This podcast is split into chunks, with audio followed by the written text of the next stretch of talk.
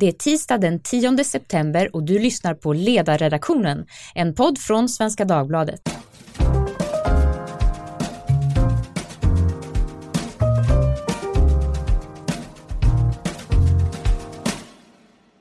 Jag heter Maria Ludvigsson och idag ska vi tala om riksdagens öppnande, nya ministrar och den stundande politiska hösten. Klockan 14 idag öppnades riksdagen högtidligen. Statschefen, kung Carl den 16 Gustav, talade. Statsministern läste upp regeringsdeklarationen och tillkännagav nya statsråd. En spaning in i framtiden är möjlig tack vare Karin Svanborg Sjövall, VD Tankesmedjan Timbro. Välkommen hit. Tack så mycket. Och tack vare Carl Melin, tankesmedjan Futurion. Tack för att ni ville komma hit. Ja. Ni lyssnade på regeringsförklaringen och såg öppnandet och sådär idag förstår jag. Ja. Absolut. Om ni nu säger nej så blir det fel här. Alltså. Ja. så oavsett vad. Ehm, och först en lite ytlig, vad, vad tyckte ni om öppnandet i form? Det var ju skönsång och så vidare med. Det ska ju vara, det ska ju vara tradition. Alltså det är, det är som det är liksom. Det ska inte vara några nya turer. Nej. Jag tyckte också det var tjusigt, men framförallt så blev jag väldigt tagen faktiskt av kungens tal, så republikan jag är måste jag säga. Jag tyckte att det var ett otroligt elegant tal. Ja, och lagom långt, Ja. lagom kort. Ja, nej men verkligen. Där, eh, det är liksom fem av fem möjliga. Faktiskt. För er som inte hörde konungens tal så kan vi avslöja att han eh, kopplade till det som hände för 30 år sedan när Berlinmuren föll eh, och talade om 1989 och vad det innebar för förändring och för befrielse. Jag tyckte också att det var, jag tyckte att kungens tal var bättre än statsministerns. Och det är inte varje år man brukar säga det, men eh, jag håller med om det. Kungens utmaning är att få någonting som ska vara fullständigt okontroversiellt att ändå bli liksom bra och engagerande. Är, Ja, och då kan man ju också konstatera att det faktum att det idag är okontroversiellt att säga att det var gott det som hände 1989, då har man också kommit en bit. Det man kan fundera på är varför statsministern inte nämnde samma sak. En bra fråga. Det kan man undra. Nu, vi går vidare. Det är, Eh. det, datum, det är ett datum som man kan prata ganska mycket om idag. Så Ja. det är ju sp- speciellt. Man kunde ha pratat om 11 september i USA, man kunde ha pratat om Anna Lindh. Det är svårt vad man hade valt att prata om och vad man hade valt att välja bort. Välja bort. Vad minns ni från statsministerns tal då särskilt? Något, något sakområde eller allmänt intryck? Karin? Nej, jag tyckte väl att det både var ett, ett ohyggligt tråkigt tal, eh, eftersom det till stor del bara var en, en uppläsning av ett program på 73 punkter som vi redan har sett och hört ganska mycket Redan om. läckt ut?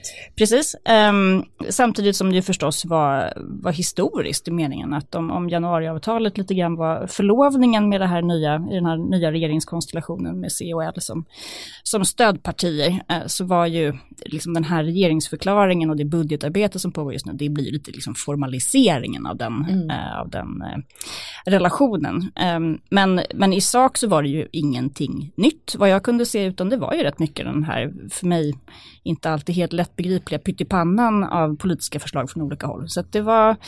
Något eh, särskilt som du minns, av- oavsett om det är positivt eller negativt?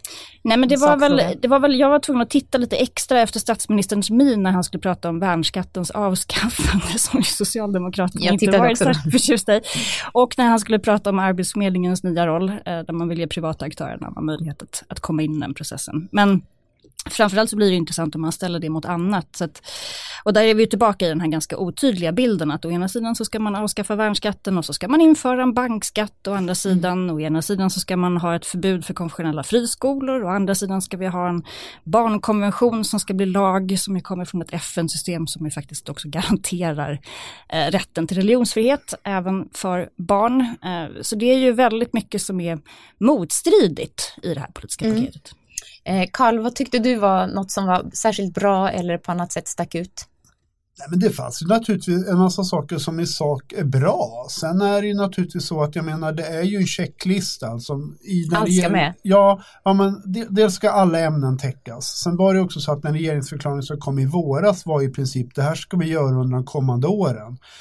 Nu handlar det om och vad av det vi redan har berättat om ska vi göra under det kommande året. Alltså Mm. det blir lite mer detaljerat och sånt. Men jag tyckte att han pratade ganska bra om digitaliseringen, elektrifieringen som jag vet att Nyamko Sabuni har pratat om, men där det finns spännande projekt om till exempel elvägar och grejer.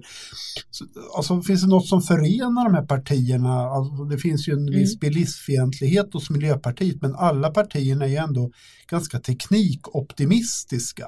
Så det tycker jag ändå är en kul grej som ändå fanns med i talet. Att man bra... tror ändå på ja, framtiden, att vi med ny teknik kan göra samhället bättre. Men det är en bra spaning att fånga upp lite tidsanda, man, hur man ställer sig till den. Eh, de, statsministern talar ju bland annat om cybersäkerhetscenter. Var det något ni reagerade på? Nej, Nej. det låter som, som ännu en, en kommission och som en kommission. center, även om jag tycker att själva ämnet som sådant är angeläget. Men ja. det var väl lite grann på listan av de mindre politiska ja, delarna. I... Ja, det där tror jag kommer från försvarsberedningen, rätta mig om jag har fel, alltså att eh, vi efter kalla kriget och sånt demonterade vi ner psykologiska försvaret och informationskrigföring och väldigt mycket. Nu vet vi att dagens krigföring börjar ju ofta långt innan vi ser soldater så börjar man liksom slå ut informationssystem och sånt. Så det är väl liksom, det är inte så kontroversiellt, det är ganska självklart. Det tror jag också var något ganska brett, de flesta kunde nog nicka instämmande till detta i plenisalen. Men som du säger Karin, det var lite pyttipanna, stort som smått. Bland annat så får vi veta att det blir dagligvarustöd till eh, glesbygden. Det är också att ta några centerfrågor och, och kasta ut. En annan sak jag noterade det var att statsministern, han talar väldigt ofta i passiv form. Alltså det ska ordnas så att skolan ska bli bättre. Alltså det, det, vi ska se till att, och det, detta upprepade han även i den här regeringsdeklarationen, allting som hur det ska bli på temat så får det inte vara. Vad kommer det här av, hans lite passiva ordval? Man skulle kunna säga, vi kommer eh, verka för att det här och det här ska hända, så här, det här ska bli bra, det ska bli bättre i skolan och därför kommer vi göra de här sakerna. Är det för att han inte vet det? Är det bara målsättningar eller varför pratar han så där tråkigt? En, en, positiv tolkning som jag inte tror stämmer är ju att han är medveten om att det finns liksom begränsningar i vad han kan göra från sitt hus. Och det är bra. Att det är väldigt mycket av de här problemen som man pratar om som, som i praktiken politiken har ganska svårt att hantera. Eh, jag tror att det var ganska många som lyssnade särskilt noga kanske efter de delar som har att göra med brottsbekämpning som är ett sådant område och ett tema som är otroligt omdiskuterat och där det finns en stor efterfrågan på, på politik. Vad sa eh, han där? Han gjorde ju en väldigt mm, rörande koppling till mordet i Malmö. Ja. Eh, Nej, det, det, var väl där han hade de starkare formuleringarna, eller som, som var liksom värderingsmässigt starkast, där han sa att vi ska trycka tillbaka mm. våldet till varje pris. Han återvände till det som ju har varit ett återkommande tema eh, de senaste veckorna, apropå att den som köper knark mm. också mm. bidrar till, till gängvåldet. Ehm, men det var ju ganska glest tyckte jag med, med konkreta åtgärder mm. på exakt vad det är tänkt att man ska göra. Jag tänkte också på det här med eh, narkotikarelaterad kriminalitet där han sa att samtliga som köper narkotika har ett ansvar. Det är en förändring. Han har liksom flyttat sig från att... Från Danderyd? Ja, eller att eh, specificera en grupp i alla fall till att tala om det här är ett ansvar. Så det har väl hänt något där. Om man ska lyfta något positivt, ni är inte riktigt inne på det, jag får faktiskt göra det själv då, så kan jag tycka att han hans avsnitt om antisemitism och judehat var väldigt mycket tydligare än det brukar vara. Mm. Och där han använde, han nämnde alla de grupper där det finns, det var inte bara högerextrema utan det finns mm. också i vänstermiljöer.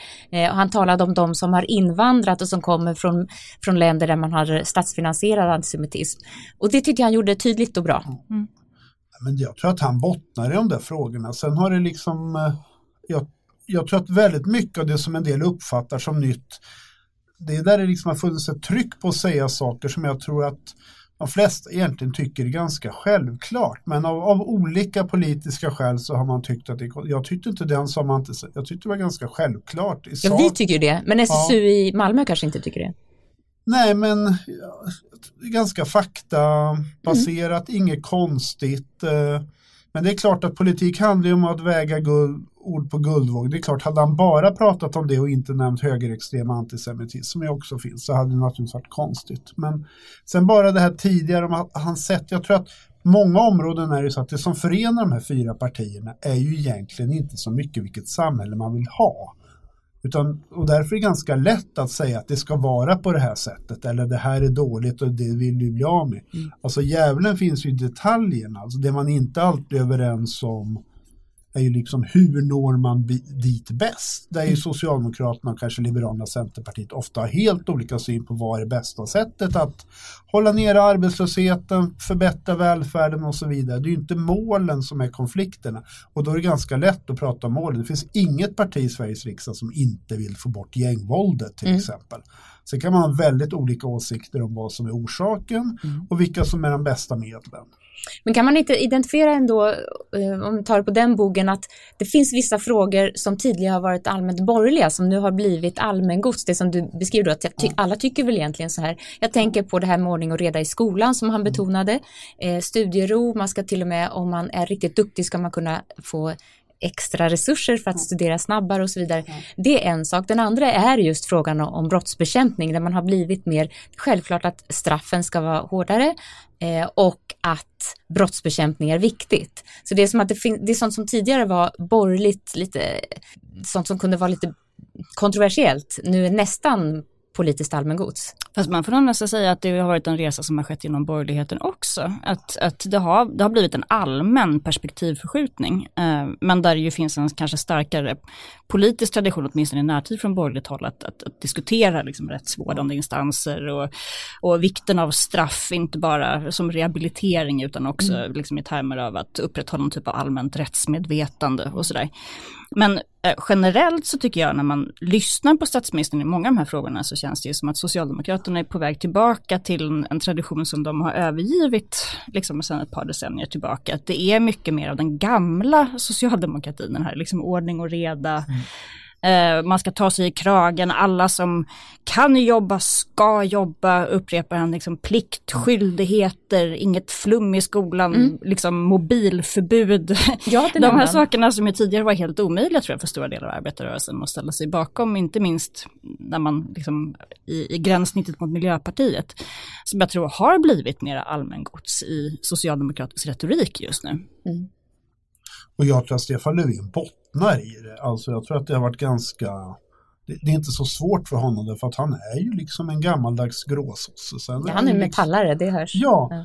Sen är han ju liksom modern på det sättet när det gäller liksom teknik och jag tror han ser mm. klimatfrågan. Jag tror att han för en man i sin generation är väl medveten om liksom bristande jämställdhet och sådana frågor. Så det är han liksom ändå, men han bottnar liksom mer i det här gamla liksom mm.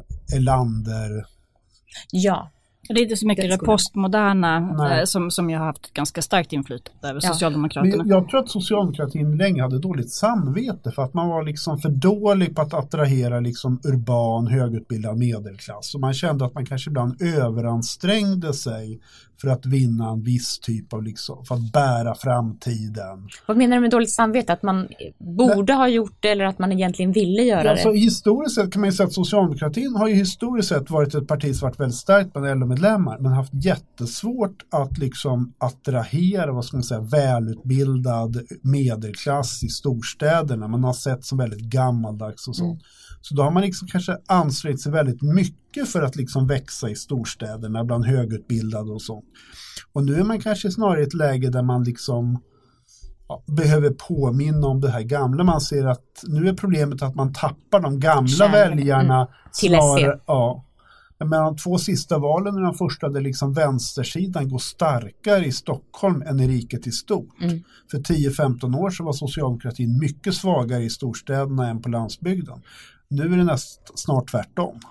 Ja, Socialdemokraterna håller ju på att tappa sin gamla arbetarbas. Och det intressanta med det är att det är inte bara så att de går till Sverigedemokraterna, utan tittar man på mm. Kristdemokraterna som är visserligen är liksom ett mindre parti, men många av de framgångar som haft, så är det ungefär samma väljarsegment. Så att de går ju eh, ganska konsekvent högerut i ett läge där man skulle kunna tro att Vänsterpartiet borde växa så det knakade mm. givet alla eftergifter som Socialdemokraterna mm. behöver, behöver göra just nu.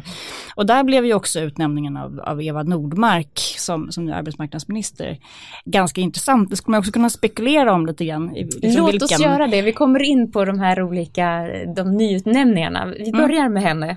Eva Nordmark. Ja, ja, jag tycker generellt sett att, att det är värt att notera någonting som, jag tror det var Stefan Stern som skrev faktiskt för, för några månader sedan, nämligen att TCO nu eh, sannolikt är ett större eh, förbund än vad LO är. Så det är ju ett tronskifte även på den fackliga Just kanten. Det. Um, och jag menar, det är ju helt logiskt att, att, om man nu tar den kanske svåraste posten i hela regeringen, man ska ha en person som både ska kunna övertyga LO-medlemmar om att deras pengar som nu går in i Socialdemokraternas kassakista ger någon typ av valuta för pengarna, att man får en grindvakt till partsmodellen. Och så ska man samtidigt kunna övertyga Annie Lööf, eh, som har stått för den kanske mest radikala mm. liksom, liberaliseringen av den här politiken. Ja, då behöver man ju ha någon som är duktig på att förhandla och det är ju uppenbarligen hon. Mm. Men, men än en gång, så här, om det här är ett tecken på att man nu från Socialdemokraternas sida verkligen på allvar menar att man nog kanske behöver befinna sig närmare mitten, så är ju det i så fall ett, ett, ett stort skifte. Jag har också uppfattat Eva Nordmark som, som eh, något mindre vänster. Vad säger du Karl? Nej, men det är väl möjligt att hon är väl relativt mittenorienterad som socialdemokrat. Sen är hon ju liksom en väl vän av liksom den svenska modellen ja. och att det snarare är arbetsgivare och fackliga organisationer som ska komma överens än att det ska vara liksom politiken som ska vara klåfingrig. Vare sig liksom från vänster eller från höger så ser hon ju att det är bättre för att den svenska modellen fungerar bäst när parterna gör upp. Mm. Eh, sen tror jag Eva har liksom en personlighet och en förmåga. Hon, hon, är väl, hon är väl respekterad, hon har väldigt goda personliga kontakter mm. med många även på den borgerliga sidan, med Annie Lööf, Anna Kinberg Batra och andra som hon liksom umgås med och sånt. Så jag tror att hennes förmåga att liksom få förtroendefulla dialoger i den kanske internt i regeringen tuffaste frågorna när det gäller att hitta lösningar och sånt. Det är inte länge sedan som hon skrev kritiska artiklar om att Arbetsförmedlingen skulle reformeras och med tiden ja. fasas ut. Å andra det är det hon ska så, syssla med nu. Precis, å andra sidan så när januariavtalet slöt så skrev hon också att, att uh, idén om att man skulle reformera LAS var oacceptabel. Det är ju ett ganska, ett ganska hårt uttryck får man säga och nu har hon ju fått liksom, på sitt bord att faktiskt genomföra just exakt detta. ja, I synnerhet som hon tycker att parterna ska bestämma över sådana saker, att det inte ska vara lag. Mm. Kan man tycka. Eh, det var inte bara hon, Margot, Margot Wallström avgår istället kommer Ann Linde. Synpunkter på detta val? Nej men Ann Linde oerhört kompetent. Eh, jag tror att hon står egentligen inte för någon annan politisk linje än Margot Wallström men är möjligtvis liksom mindre ideologisk. Alltså man pratar ju utrikes och säkerhetspolitik mer om, vad ska man säga, idealism kontra realism. Ja. Och ja. politiken innehåller ju båda delarna och då kan jag nog säga att hon är kanske lite mer, hon jobbade väldigt mycket ihop med Urban Alin. Jag skulle säga att hon, skulle vara, hon är förmodligen lika kritisk mot Israels bosättningspolitik som Margot Wallström är och hon är lika kritisk mot det som Saudiarabien gör när de hanterar liksom eh, oppositionella mm. och kvinnor och, och, liknande. Men hon kommer förmodligen ha en mera nedtonad retorik. Mm. Hon, hon har mer erfarenhet av säkerhetspolitik, alltså en stor vän av det transatlantiska, alltså mellan norra, nordvästra Europa och USA och sånt. Nu ska vi inte gå in på ålder, men, men mitt intryck är att eh, Margot Wallström var på något sätt fortsatte linjen från Myrdal och framåt, den gamla synsättet på den idealistiska världsbilden och den här kommer då, eh, Ann Linde är lite av en nyare generation. Eller Palme i alla fall, kanske. Palme, ja. Jag vet inte.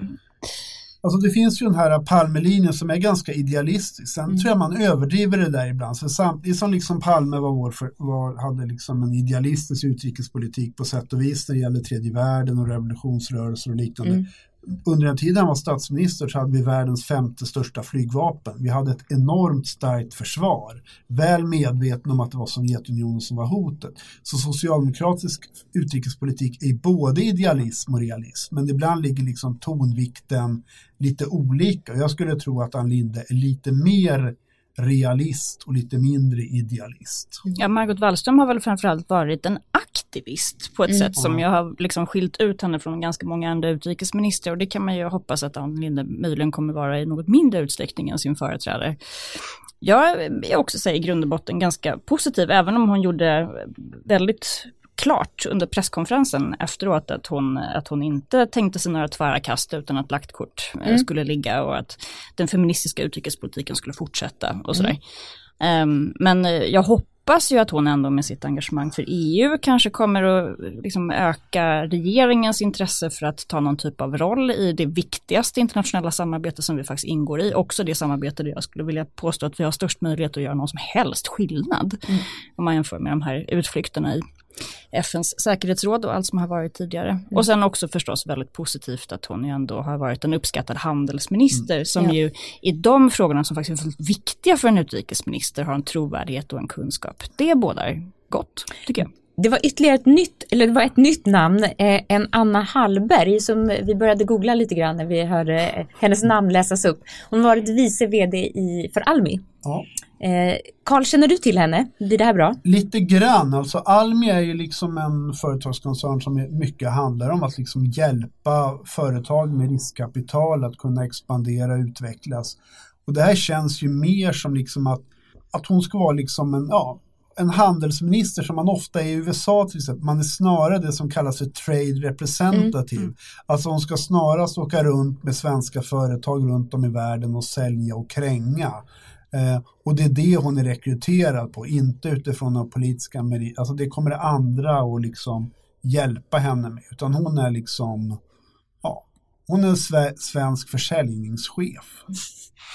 Ja, det kanske inte heller är så dumt, tänker jag. Alltså i ett läge när frihandeln är under, under mm. attack, när eh, Trump håller på och försöker förstöra hela den globala handelsordningen, mm. när vi har Brexit runt hörnet och så vidare, att det finns en person som inte tar så mycket politiska hänsyn utan faktiskt i huvudsak företräder ett klassiskt svenskt näringslivsintresse är ju i grund och botten ganska bra. Men, men intressant just därför att det går så på totalt med, på tvären med hur världshandeln i övrigt hanteras nu. Alltså mm. det är ju ett område som har varit rätt apolitiskt de yeah. senaste 20 åren mm. globalt mm. sett och som nu plötsligt har blivit superpolitiserat.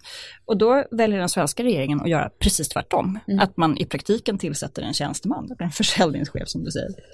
Ja, Ja, eller så är det så att när det handlar om liksom de här stora världs så är det ändå EU. Sverige förhandlar inte så jättemycket mm. i de här stora, utan det de här gör, det är lite, lite elakt att åka med Marcus Wallenberg till halvsuspekta mm. länder ja. och skriva avtal om investeringar och, och, handel. Det är liksom det som kommer att vara hennes jobb. Det är också en lott ja. att få här i livet. och det är det som gör jobb i Bergslagen och i Precis. Ja. Eh, kort avslutande bara. Jag noterade, jag såg, följde sändningen med bild så jag kunde se hur de var klädda inne i plenisalen. Mm. Många har folkdräkt numera. Jag tycker det är vackert. Men jag funderar på, tror ni att de flesta av dem kommer från SD eller från Centern? För det är bara de partierna som brukar bära folkdräkt. Magdalena Andersson. Ja, Magdalena Andersson ja, hon hade, också, hade också någon slags mm. klut. Hon har alltid folkdräkt. Ja, ja, jag tycker det är vackert. Men jag tycker också att det har varit, det har varit en trend eh, liksom över tid, sådär, mm. att det blir fler och fler. Mm. Uh, Dock inte män, det är hellre kvinnor som klär sig. Vi får vänta på knätofsarna tror jag. Det är bara Jimmy Åkesson tror jag. Ja, det är som... ett par därifrån hans ja. parti. Ja, jag tror att det fortfarande är fler centerpartister. Jag tror många har, ofta är det ju arvegods. Det är ja. ganska dyrt att köpa. Oh ja, det är jättedyrt. Ja. Och väldigt fint hantverk. Nå, ja. vi behöver inte gå in på detaljer vad ja. gäller sömnad. Tack så mycket för att ni var med och tack för att ni lyssnade. Har ni synpunkter på innehåll eller idéer om vad vi borde tala om så hör av er till ledarsidan svd.se. Hej då!